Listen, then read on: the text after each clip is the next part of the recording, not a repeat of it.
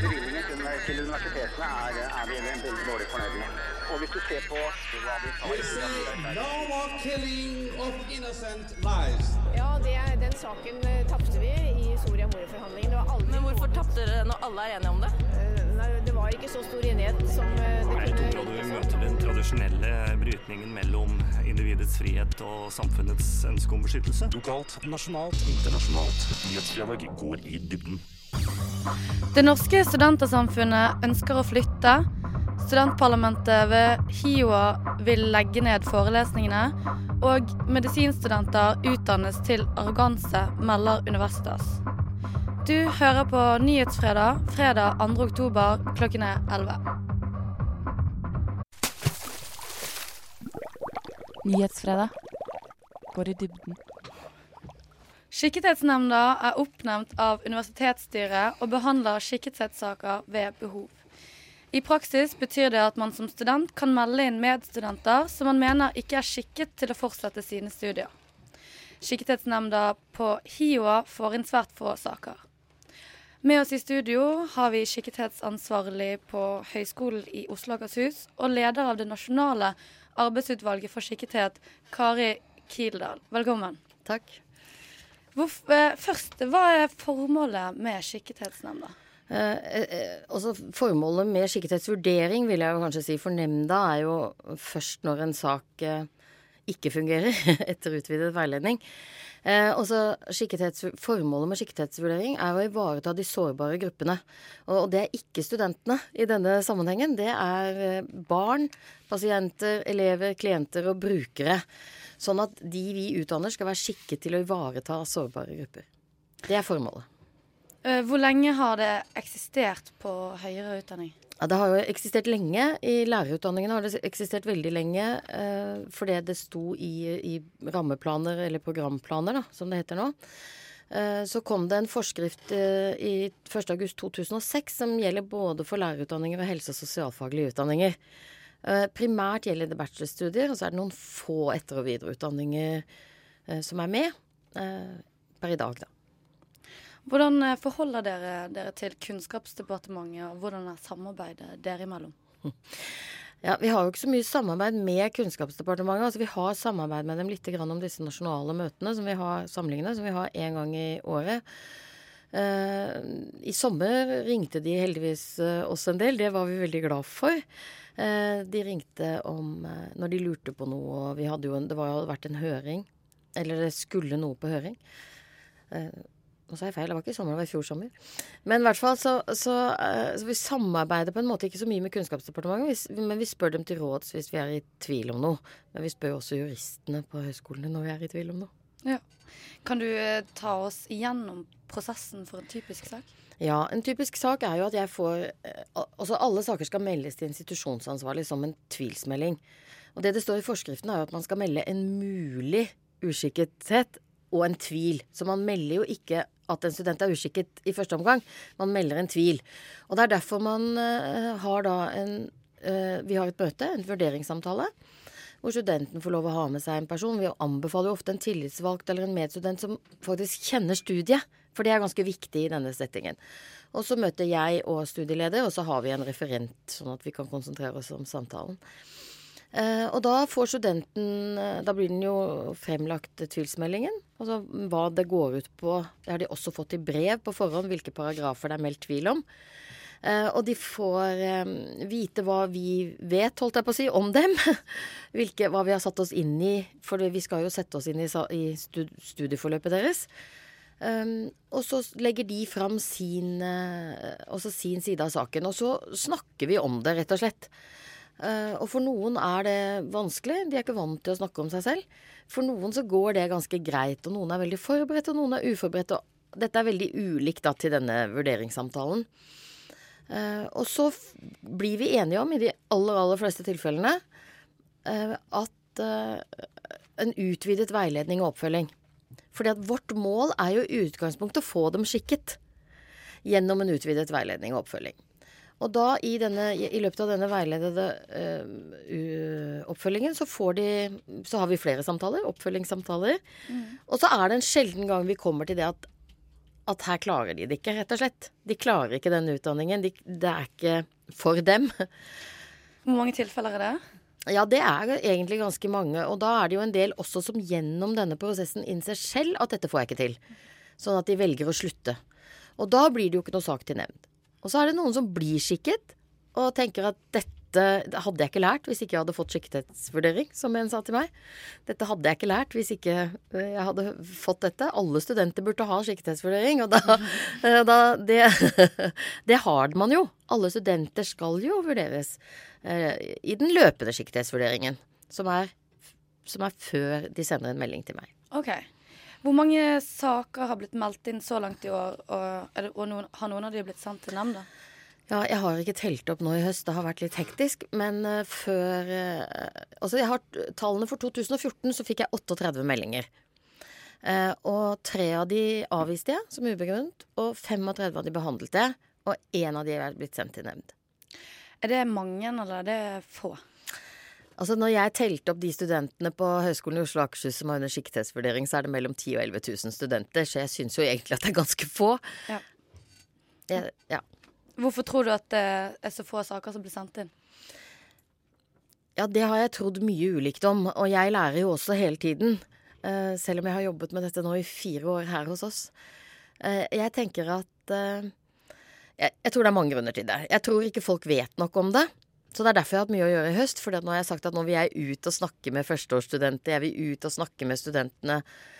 Forelese for dem om skikkethet, om at det fins, hva de kan gjøre, hva prosessen er. Og det samme for praksisfelt og for veiledere. Og fordi jeg er så heldig at jeg får lov å bruke en hel stilling på dette, så har jeg mulighet til å gjøre det. Så nå har jeg vært på mange utdanninger hvor jeg ikke har vært før, og da informasjon gjør at du får saker. Sånn er det. Så nå har jeg fått noen saker fra utdanninger jeg ikke har hatt noe særlig fra før. Ja, Så man kan ikke tenke seg til at så å si alle er skikket? Nei, det kan man ikke tenke seg til. For det som jeg sier, i høyere utdanning i dag, så er det jo både en trend og en en politikk kanskje om at alle skal ha høyere utdanning. Sånn at er, vi får eh, alle typer studenter, og da får vi alle typer studenter. Og det er faktisk Og vi har store kull. Mm. Og det er jo ikke alle som er like reflekterte på yrkesvalget. Det er jo noen som kommer til samtale, første samtale, vurderingssamtale med meg og sier at ja, jeg tror jeg slutter jeg nå. For jeg hadde egentlig ikke lyst til dette. Så dette var Men jeg følte jeg måtte gjøre noe. Eller jeg tenkte at det var greit. Eller ja, noen anbefalte meg å ta denne utdanningen. Altså du får Så det er jo noen som slutter etter første samtale fordi de tenker at det var ikke så viktig for dem. Men jeg tenker jo at de fleste er jo skikket. Eh, det tyder jo det også på at man får få tvilsmeldinger, men jeg, jeg tror nok at vi får for få. Fungerer nemnda i 2015 som ønsket, eller er det noe som kan revurderes? Du snakket jo så vidt om at du har vært møtt opp på studier du aldri har vært på før. Ja. Um, altså, nemnd, dere, dere, snakker om nemnda, det er på en måte to ting. ikke sant? For skikkethetsvurdering er sånn at høyskolens styre eller universitetets styre skal oppnevne en institusjonsansvarlig. Og institusjonsansvarlig skal behandle alle skikkethetssaker.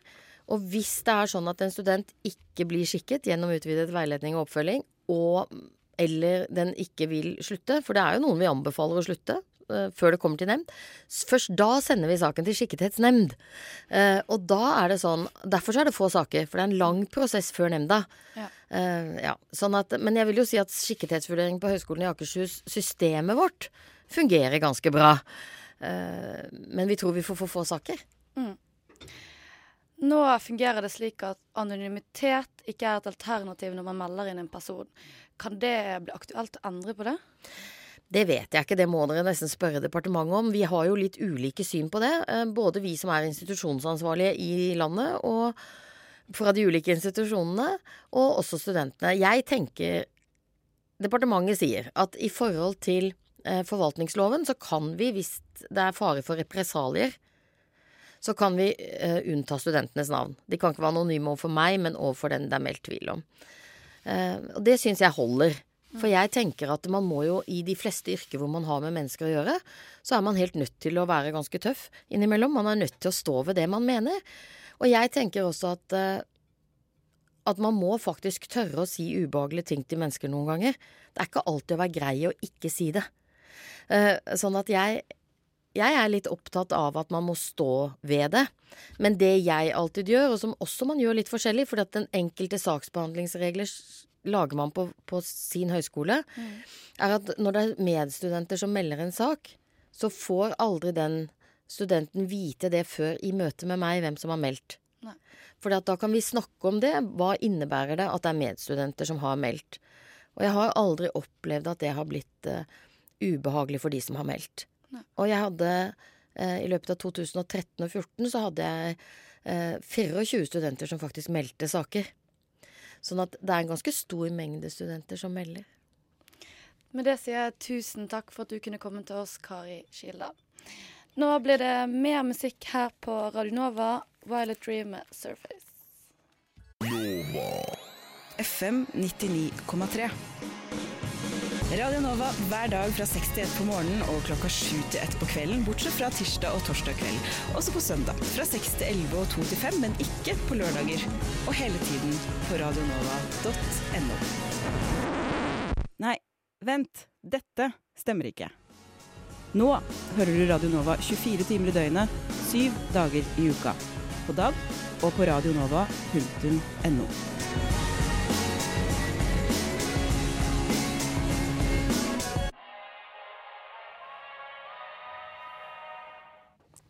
Låten du hørte i sted, var Violet Dream med Surface.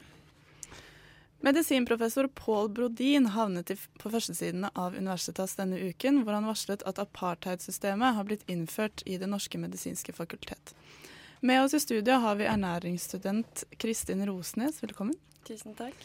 De tre første semestrene av studieprogrammet medisin, odontologi og klinisk ernæring gjennomføres sammen. Har du opplevd forskjellsbehandling av de forskjellige studiene selv om dere er i samme rom? Eh, ja, det blir jo på en måte Mange av foreleserne vet ikke om at det er noen andre enn medisinstudenter som er til stede. Eh, så det blir jo referert til f.eks. Eh, dere som skal bli leger, burde jo vite det at Og så snakker de ikke om oss i det hele tatt.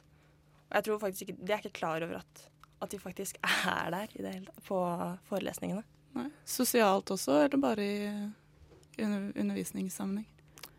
Eh, tenker du på studenter? Ja, om dere føler en eh, forskjell mellom dere sosialt? Ja, det er jo en del som har spurt meg om jeg går studiet mitt fordi jeg ikke kom inn på medisin. Eh, og det føler jeg er litt sånn eh, Da ser de litt ned på meg, da. og da må jeg si nei, det er ikke derfor, det er fordi jeg er interessert i studiet mitt. Så de, jeg tror mange tenker på det som en utvei, eh, på en måte som et andrevalg, da. Hvis ikke du kommer inn på det beste studiet, som er medisin. Eh, hva mener du om professor eh, Brodins varsel om apartheidsystemet?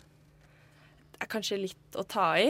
Eh, det er jo på en måte ikke Det gjelder jo ikke 100 Det er veldig forskjell på folk. Men jeg merker litt i tider at, at det er forskjellsbehandling, og at på en måte du har litt mer du skal ha sagt da hvis du er medisinstudent. Eh, tidligere har seminarer og grupper vært tilfeldig tildelt studenter på tvers av fag. Uh, nå er det jo ikke sånn lenger. Hva har skjedd? Jeg vet ikke helt hvorfor det ble sånn, men uh, noen sier jo at det er positivt, fordi da får man på en måte diskutert litt uh, ting opp mot eh, sitt fremtidige yrke. Men samtidig så blir det veldig delt sosialt sett. For man får ikke så mye kontakt med de andre studentene. Så for for litt siden så danna eh, jeg og en fra odontologi en fellesgruppe da, for odontologi og klinisk ernæring eh, på vårt kull. Fordi vi hadde nesten ikke sett hverandre noe. Og da måte følte jeg at vi burde finne på litt ting sammen og kunne eh, måte invitere hverandre med på ting. Eh, Frode Vartdal uttalte seg om saken. Han mener at det ikke er nødvendig å integrere dere sammen fordi at dere ikke skal ha så mye med hverandre å gjøre i arbeidslivet. Eh, hva tenker du om det? Eh, jeg tenker at uansett eh, så er vi på samme fakultet, og det skal vi være mange år. Eh, og da syns jeg det er viktig at vi blir kjent med hverandre. At vi ikke går gruppevis, og at det blir en skikkelig segregering på fakultetet. For det mener jeg er helt feil. Mm. Og da blir det på en måte ikke bare at man er hver sin gruppe, men at det også blir på en måte et hierarki som ikke er hyggelig for noen i det hele tatt. Eh, jeg tror vi runder av der og sier eh, takk for at du kom, Kristin Rosnes. Mm, veldig hyggelig å være her.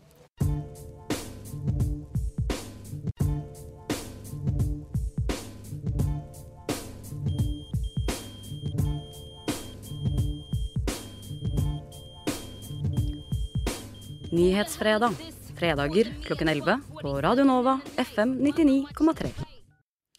Det norske studentersamfunn, også kalt DNS, sitt flytteutvalg presenterte for kort tid siden flere mulige tomter for et nytt studenthus i Oslo. Det er økonomiske grunner til at DNS vil søke til et mer sentralt lokale. Og med oss i studio har vi fått formann i DNS, Andreas Slørdal. Velkommen. Tusen takk. Som sagt så er det økonomiske grunner til at DNS ønsker å finne et nytt lokale. Kan du forklare litt mer?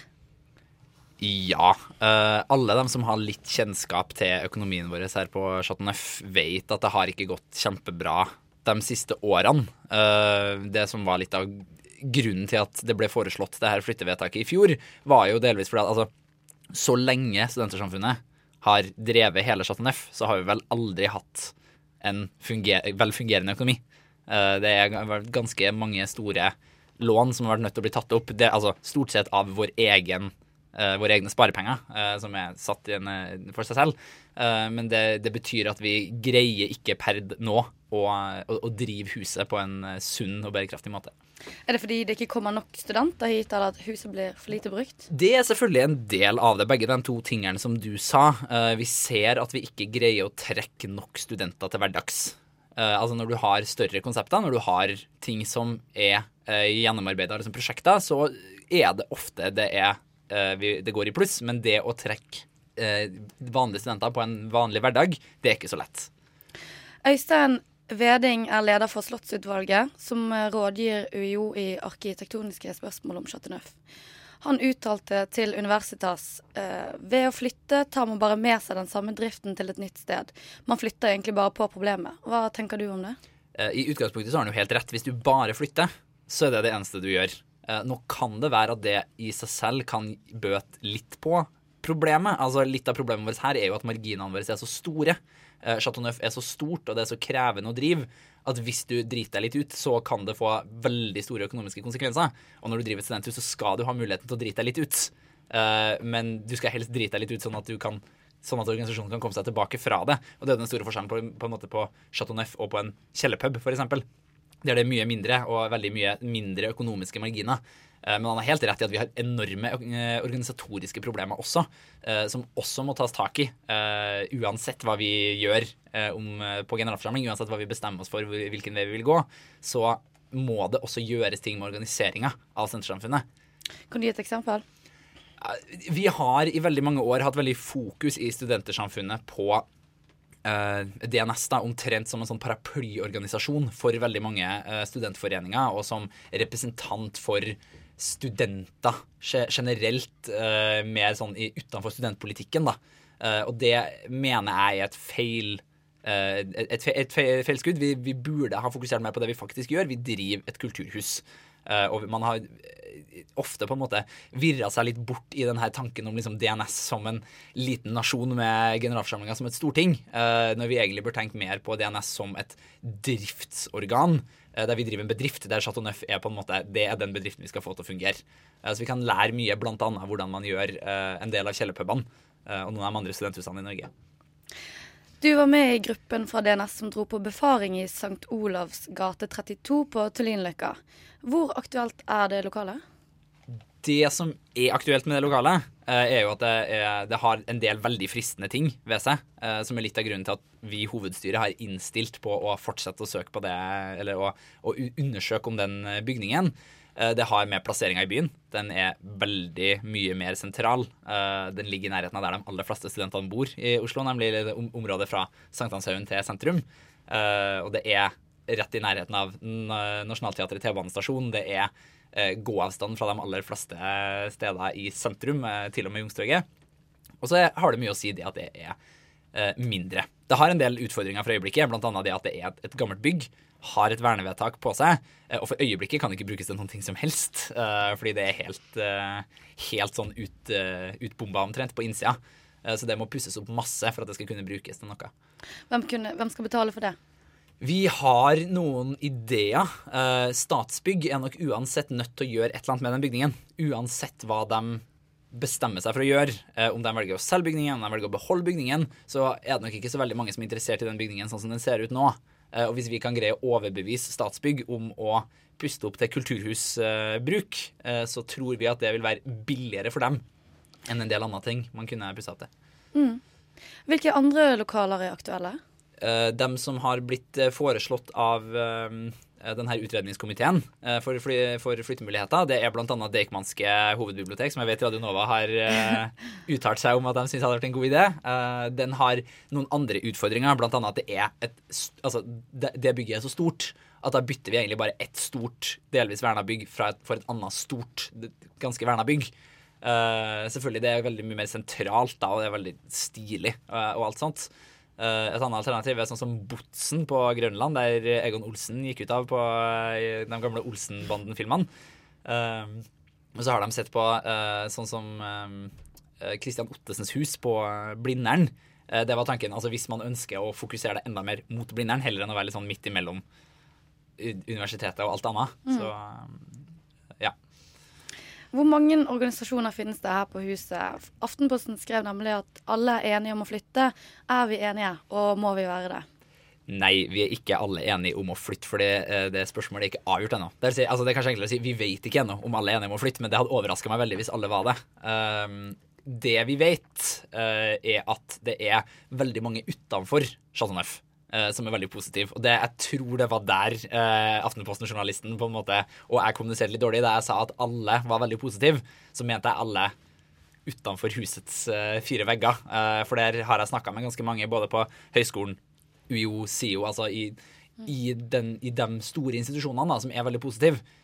Mens internt så har vi mer uenigheter, og der er det mange som er redd for nettopp det som du siterte Øystein på, at altså, vi vet ikke nok her. Hva om vi bare flytter alle problemene våre til et nytt sted uten å egentlig gjøre noe som helst?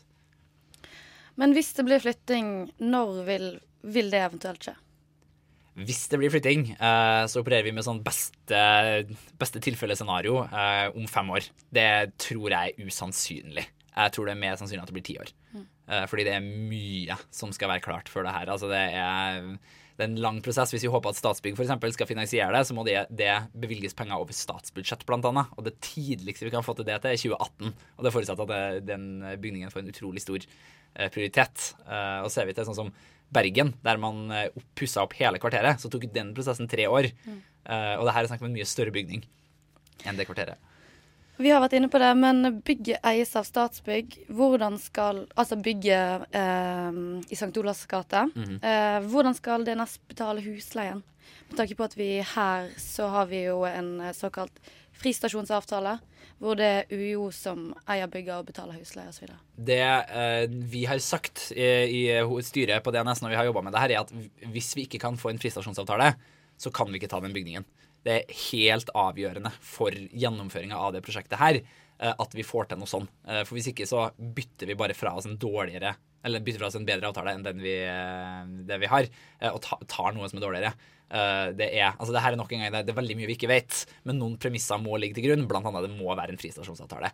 Det er vanskelig nok å drive kulturhus i Norge uansett. Og studentkulturhus må ha en eller annen sånn spesialavtale for å kunne få til noe sånt. Sånn helt til slutt, hva vil skje, skje med Chateau Neuf hvis vi flytter? Det er et godt spørsmål. Den er jo eid av Universitetet i Oslo. Så hvis Studentersamfunnet forlater bygningen, så er det helt opp til universitetet, egentlig. De, de vil vel ikke kunne gjøre akkurat som de vil. Denne bygningen har jo en del sånn verneverdi. Eh, Så hvis universitetet har veldig lyst til å rive bygningen, så tror jeg ikke de får til det, blant annet. Eh, Det kan være de har lyst til å ha forelesningssaler og sånn her, eller det kan være de har lyst til å selge det. Det var alt vi rakk for nå. Tusen takk for at du kunne komme, Andreas Slørdal. Takk for det. Hei, jeg heter Jonas Gahr Støre. Du hører på Nyhetsfredag. Følg med og ha en fin fredag og god helg. I forrige uke la studentparlamentet ved Høgskolen i Oslo og Akershus fram en handlingsplan for hva de skal gjøre for studentene på høyskolen det neste året. I den anledning har vi fått besøk av leder i SPVHIOA, Kristoffer Alsvik. Velkommen. Takk for det. Alsvik, du krever en digital storm. Hva, hvorfor er dette en kampsak for deg? Nei, det vi, det vi ser, da, er jo det at det er, en, det er et behov for å endre måten vi underviser på i Norge. Og det er over hele sektoren. Uh, problemet er det at uh, måten vi utdanner eh, studenter på, og morgendagens arbeidskraft, den har stått stille i ja, et sted mellom 50 og 200 år. Um, men samfunnet har utviklet seg, og vi har fått mange nye læremidler som kan brukes for å eh, gjøre undervisningen mer effektiv. Da. For eksempel så Hvis man ser på forelesning som undervisningsform, så er eh, det er en undervisningsform som baserer seg på det at man ikke har nok bøker til alle. Siden sånn var det før i tiden, da man ikke fikk trykt opp nok, nok pensum. Um, så det er der da navnet kommer fra, med forelesning. Man leser for andre. Um, nå har vi pensum, og da har vi ikke det samme behovet for forelesninger. Ellers så ser vi også dette med at det er en enveiskommunikasjon, hvor en person står og spyr kunnskap utover andre mennesker, som så blir forventet å spy den kunnskapen ut på en eksamen senere. Og det er jo heller ikke en god måte å lære på. Um, og da er det jo denne tanken med uh, The Flipped Classroom, uh, som har uh, utviklet seg veldig i USA, og også blitt tatt i bruk mer og mer i Norge. Som vi da ønsker oss å se mer av i undervisningen på, i høyere utdanningsinstitusjoner. Og der er det jo da dette med det digitale kommer inn. Med det at forelesningene blir mer gjort til en del av pensum, i form av at de blir spilt inn på video. Og så kan da studenten se det i forkant av selve undervisningstimen. Så da blir det ikke lenger snakk om at man har forelesninger i den klassiske formen, mens eh, det blir mer det at undervisningen skjer i gruppearbeid med f.eks. problembasert læring, eh, caseoppgaver. Eh, ja. Og da eh, åpner det opp for mer diskusjon og eh, samtale mellom foreleser og Eller ikke foreleser, men underviser og student. Også studenter imellom. Mm. Men uh, når disse forelesningene da blir fjernet, vil det si at høyskolen trenger færre professorer? Uh, nei, det gjør det ikke. Uh, jeg vet ikke om jeg helt forstår spørsmålet nei, der. altså vil, vil, det være noen professorer som kan ta mange forelesninger og heller spille de inn, slik at man ikke trenger å ha alle professorene man har nå? Altså, en, en tanke man kan se på, er jo dette her med MUX, altså Massive Open Online Courses. Der er det jo tanken at de beste underviserne fra hele verden er de man skal bruke forelesningene til. Eh, men eh, nå er poenget vårt det at vi vil ikke at vi skal kun ha digital undervisning. Vi trenger fortsatt eh, det å møte foreleserne. Det er snakk om at vi ønsker å se mer til foreleserne. Vi ønsker å finne gode måter for å bruke det mer, bedre som en ressurs. og ikke bare det å digitalisere for å digitalisere. Det må ha et pedagogisk en pedagogisk nytteverdi. Og da, da, kommer det inn det at vi må endre måten vi underviser på. Uh, så det er ikke snakk om at uh, vi kan masseprodusere forelesninger, og så trenger vi aldri å se foreleseren lenger, bortsett fra på film. Det er snakk om det at når vi får videoene, så vil vi da kunne istedenfor å bruke tiden vi har sammen med foreleseren på å liksom, motta kunnskap passivt, så vil vi heller kunne bruke det til å diskutere. Og da trenger vi fortsatt professorene. Vi trenger mm. fortsatt like mange. De skal fortsatt ha like mye undervisningstid, det er bare at de skal bruke den tiden mer konstruktivt. Okay. Eh, hvordan vil eh, lærernes og høyskolestudentenes hverdag se ut etter denne digitaliseringen? Det er jo eh, spennende å diskutere. Det kan være Det er jo mange måter å jobbe med varierte undervisningsformer på. Det er ikke én fasit på nøyaktig hvordan man kommer til å gjøre det. Og eh, hvordan de velger å strukturere eh, studiene og undervisningen på, det blir opp til den enkelte eh, faglærer. Eh, men derimot, eh, det vi kommer til å eh, ja, jeg vil si kreve, er det at vi, vi i hvert fall får fjernet den eh, I hvert fall slutter å ha den klassiske forelesningen som standardundervisning. Eh, så det er der problemet ligger. Det er standarden, og det er Der er mobilen min. Den har jeg glemt å skru av. Beklager det. Så. Slå av. Ja, beklager. Um, den gikk ikke av heller. Det går helt fint. Jeg er så profesjonell. OK, um, da, da, prøver vi på nytt. Uh, hva var spørsmålet igjen? Uh, jo, um, hvordan vil hverdagen deres se ja, Riktig. Mm. Det er jo mange måter å se for seg måten man gjør dette på. For eksempel så uh, er det noen prosjekter som bruker forelesningssalen, bare at de, de gjør det med De bruker gruppearbeid innad i forelesningen. Uh, dette er da allerede et prosjekt på helsefag som bruker. Uh, hvor uh, de da får forelesning sendt ut i forkant av, av undervisningsøkten. Og så begynner økten med at alle sammen tar en test. Og så må man score liksom for å sjekke om man faktisk har gjort hjemmeleksa. da. Så må man score mer enn 70% på den testen. Og hvis man ikke har gjort det, så blir man da sendt ut av undervisningen. Siden da, da har du ikke fått den kunnskapen du trenger for å delta i gruppearbeidet. Det, det er da noe som gjør at studentene neste gang møter forberedt. Um, ja. Uh, vi har fått gode resultater på det. Um, fått høre at de har hatt gode resultater på det. Og, og det som skjer da, er det at denne testen gjør da også at man sjekker hvilke ting folk kan og ikke kan. Og så blir man delt inn i grupper ut fra hva man kan og ikke kan, slik at alle gruppene har alt av kunnskap innad i Mm. gruppa, så man kan lære mer av hverandre. Um, ja, så det, det er jo et eksempel på måten man kan gjøre på. En annen måte vil jo være det å eh, f.eks. sende ut forelesningene, og så strukturerer man klassen i forskjellige grupper. eh, og får dem til å eh, f.eks. se forelesningen sammen i gruppen, og så jobbe med caseoppgaver. Eh, og ja, så det, det er også en måte å gjøre det på. Eh, tredje måte vil jo f.eks. være eh, tverrprofesjonell samhandling. Med det at man da får forelesningene eh, på samme måten da, i forkant, som da blir litt standarden her. Eh, og så eh, tar man da eh, studenter fra forskjellige profesjonsutdanninger, som sykepleier, sosionom, fysioterapi, ja, diverse. Setter dem i grupper sammen og får dem til å jobbe som et team da, for å løse en caseoppgave. Ja, og det, det er jo da for å simulere en ja, en, en virkelig Der, der mistet jeg sporet mitt. Men ja, altså hvordan det er i, i arbeidslivet. Ja. Mm, arbeidslivet. Da totalt sett vil det på en måte bli mer arbeid for studentene, eh, i og med at man får, må ha denne forelesningen på video, og så ha en vanlig skoledag etter det. Det, det er nok en undervisningsform som krever mer av den enkelte studenten. Men uh, så er det også høyere utdanning, og ja, man skal ikke kunne gå gjennom et studie med skippertak. Um, hvor lang tid vil det ta før eh, denne digitaliseringen, eh, før vi ser den i praksis? Mm, det blir jo eh, forhandlinger med rektoratet. Nå håper vi på i løpet av perioden å få på plass en, en handlingsplan eller en innføringsplan av dette her. Um, eh, det vi ser for oss, er det at liksom, i løpet av det neste året så, eh, så skal 10% av all undervisning på høyskolen skje på denne ja, med varierte undervisningsformer og digitale forelesninger. Og eh, så liksom trapper man opp, da.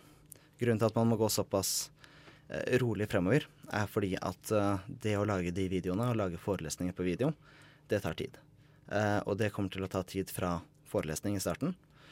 Så derfor eh, blir det da viktig at man gjør dette sakte, slik at man får laget en forelesning. Og, men året etter da, så kan man bruke den samme forelesningen, siden den er spilt inn allerede. Så derfor ved å trappe opp sakte, men sikkert, så bygger man opp et arkiv med eh, forelesninger, som man da etter hvert kan redigere og liksom eh, oppdatere, da. Eh, men, eh, men det vil ta tid å få dette her på plass, fordi at det er en, det er en stor endring, Mm. rett og slett. Eh, dere har jo ikke bare tatt opp denne digitaliseringen i handlingsplanen, men også døgnåpne lokaler for eh, studentorganisasjonene. Eh, hvorfor er dette viktig? Eh, dette her er et ønske og et behov som har kommet fra foreningene. Ehm, det som skjer nå i, uh, i Stensberg, nei, ikke Stensberggata, St. Olavs eh, gate, ehm, som ikke er det samme som det, den neste saken, men eh, vi har akkurat sagt opp eh, eh, kontrakten vår på, eh, i St. Olavs gate. Akkurat nå så har vi jo da Senter i sentrum, men også eh, foreningslivet på Hiva. De har hatt kontorer her. Um, da har ikke de hatt døgnåpen tilgang, det har de ikke. Men uh, det vi ser på nå, er at vi trenger å finne et nytt sted hvor de kan være. Uh, da er det Pilsred 52 har vært et samtaleemne med det at uh, på sikt så skal vi få foreningen inn der og begynne å gjøre det til mer og mer et senter for studentaktivitet på HiOA. Og når vi først skal inn i de forhandlingene, så ønsker da også studentene og eh, foreningene at vi skal se på muligheten til å få det døgnåpent. Og det kan man gjøre på forskjellige måter. Eh, F.eks. Samfunnet Bislett, slik det er drevet nå. Så har de mer eller mindre tilgang døgnet rundt, eh, de som styrer eh, Samfunnet Bislett. Og det er fordi at den har en egen inngang. Eh, så hvis vi kan få til en lignende ordning for foreningene, så er det ideelt. Eh, tusen takk til deg, Kristoffer Asvik. Takk for at vi kom. Nyhetsfredag er over for denne gang. En stor takk til dagens gjester. takk for oss. Mitt navn er Sara Bech Sørensen, og med meg i studio har jeg hatt eh, reporter Nora Ledang. Jeg har også hatt eh, teknikkhjelp. Eh, Isak Ree og Petter Pettersen, tusen takk til dere. Ikke skru av Radio Nova. Rett etter oss kommer radiotjenesten. Hør på Nyhetsfredag igjen nøyaktig om en uke. Takk for oss.